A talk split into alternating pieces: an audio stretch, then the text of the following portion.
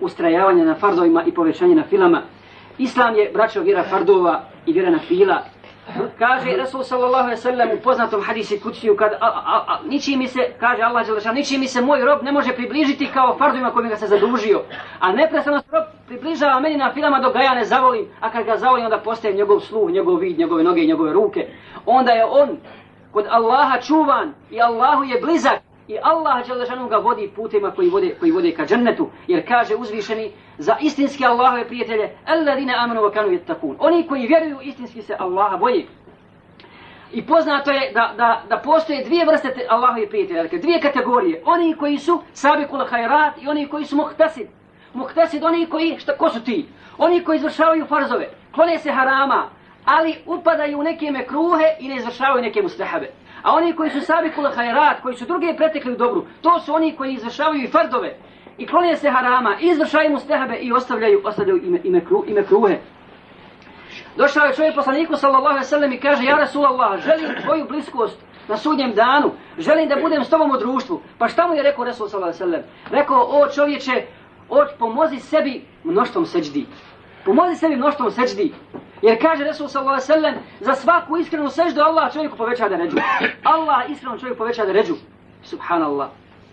Imam Ahmed ibn Hanbal to bilježi i, i, i, Ibn Kathir u El Bidaje ben Nihaje. To se to to bilježi i Zehebi, to to bilježi i Tarihu Bagdad, istorija Bagdada. Stoji vjerodostana predaja da je Imam Ahmed ibn Hanbal pored farzova u 24 sata klanjao 300 rekiata na fili. 300 rekata na fili. To spominje njegov sin, subhanallah. Islam prema Allahu Đelešanuhu. Prenosi se da je umro Muavija ibn Muavija el Lejsi, poznati ashab. A Resul sallallahu alaihi wa sallam sa svojom vojskom, sa ashabima bio na Tebuku. Pa mu je došao Džibril i rekao, Ja Rasulallah, Ja Rasulallah, ustani i klanjaj dženazu Muavi ibn Muaviju Lejsiju. Kaže, vallahi na njegovoj dženazi je prisutno 70.000 meleka ustani i klanja dženazu sa sahabom. Pa kaže, o Džibril, zbog čega? Zbog čega je na njegovoj dženazi prisutno 70.000 meleka? Kaže, zbog toga što je i stojeći i ležeći učio stalno kulhu vallahu ahad, Allahu samad, lem jelid, volem juled, volem yakul lahu kufuvan ahad. Subhanallah. Dakle, to je ustrajavanje u fardovima i na filama i da se približi Allahu Đelešanohu Veliki učenjak Imad al-Hambeli, al-Makdisi, postio je, kažu, po najvećim vrućinama. Postio je po najvećim vrućinama tako da bi ljudi padali u nesvijest. A njega je Allah sačuvao, ništa mu ne bi budi. Pa kada bi, a ljudi bi znali da je on postač. Pa kaže, kada bi ljudi pomisli da on posti, on bi nosi sa sobom čašu. Nosi bi sa sobom čašu i pravi se da pije.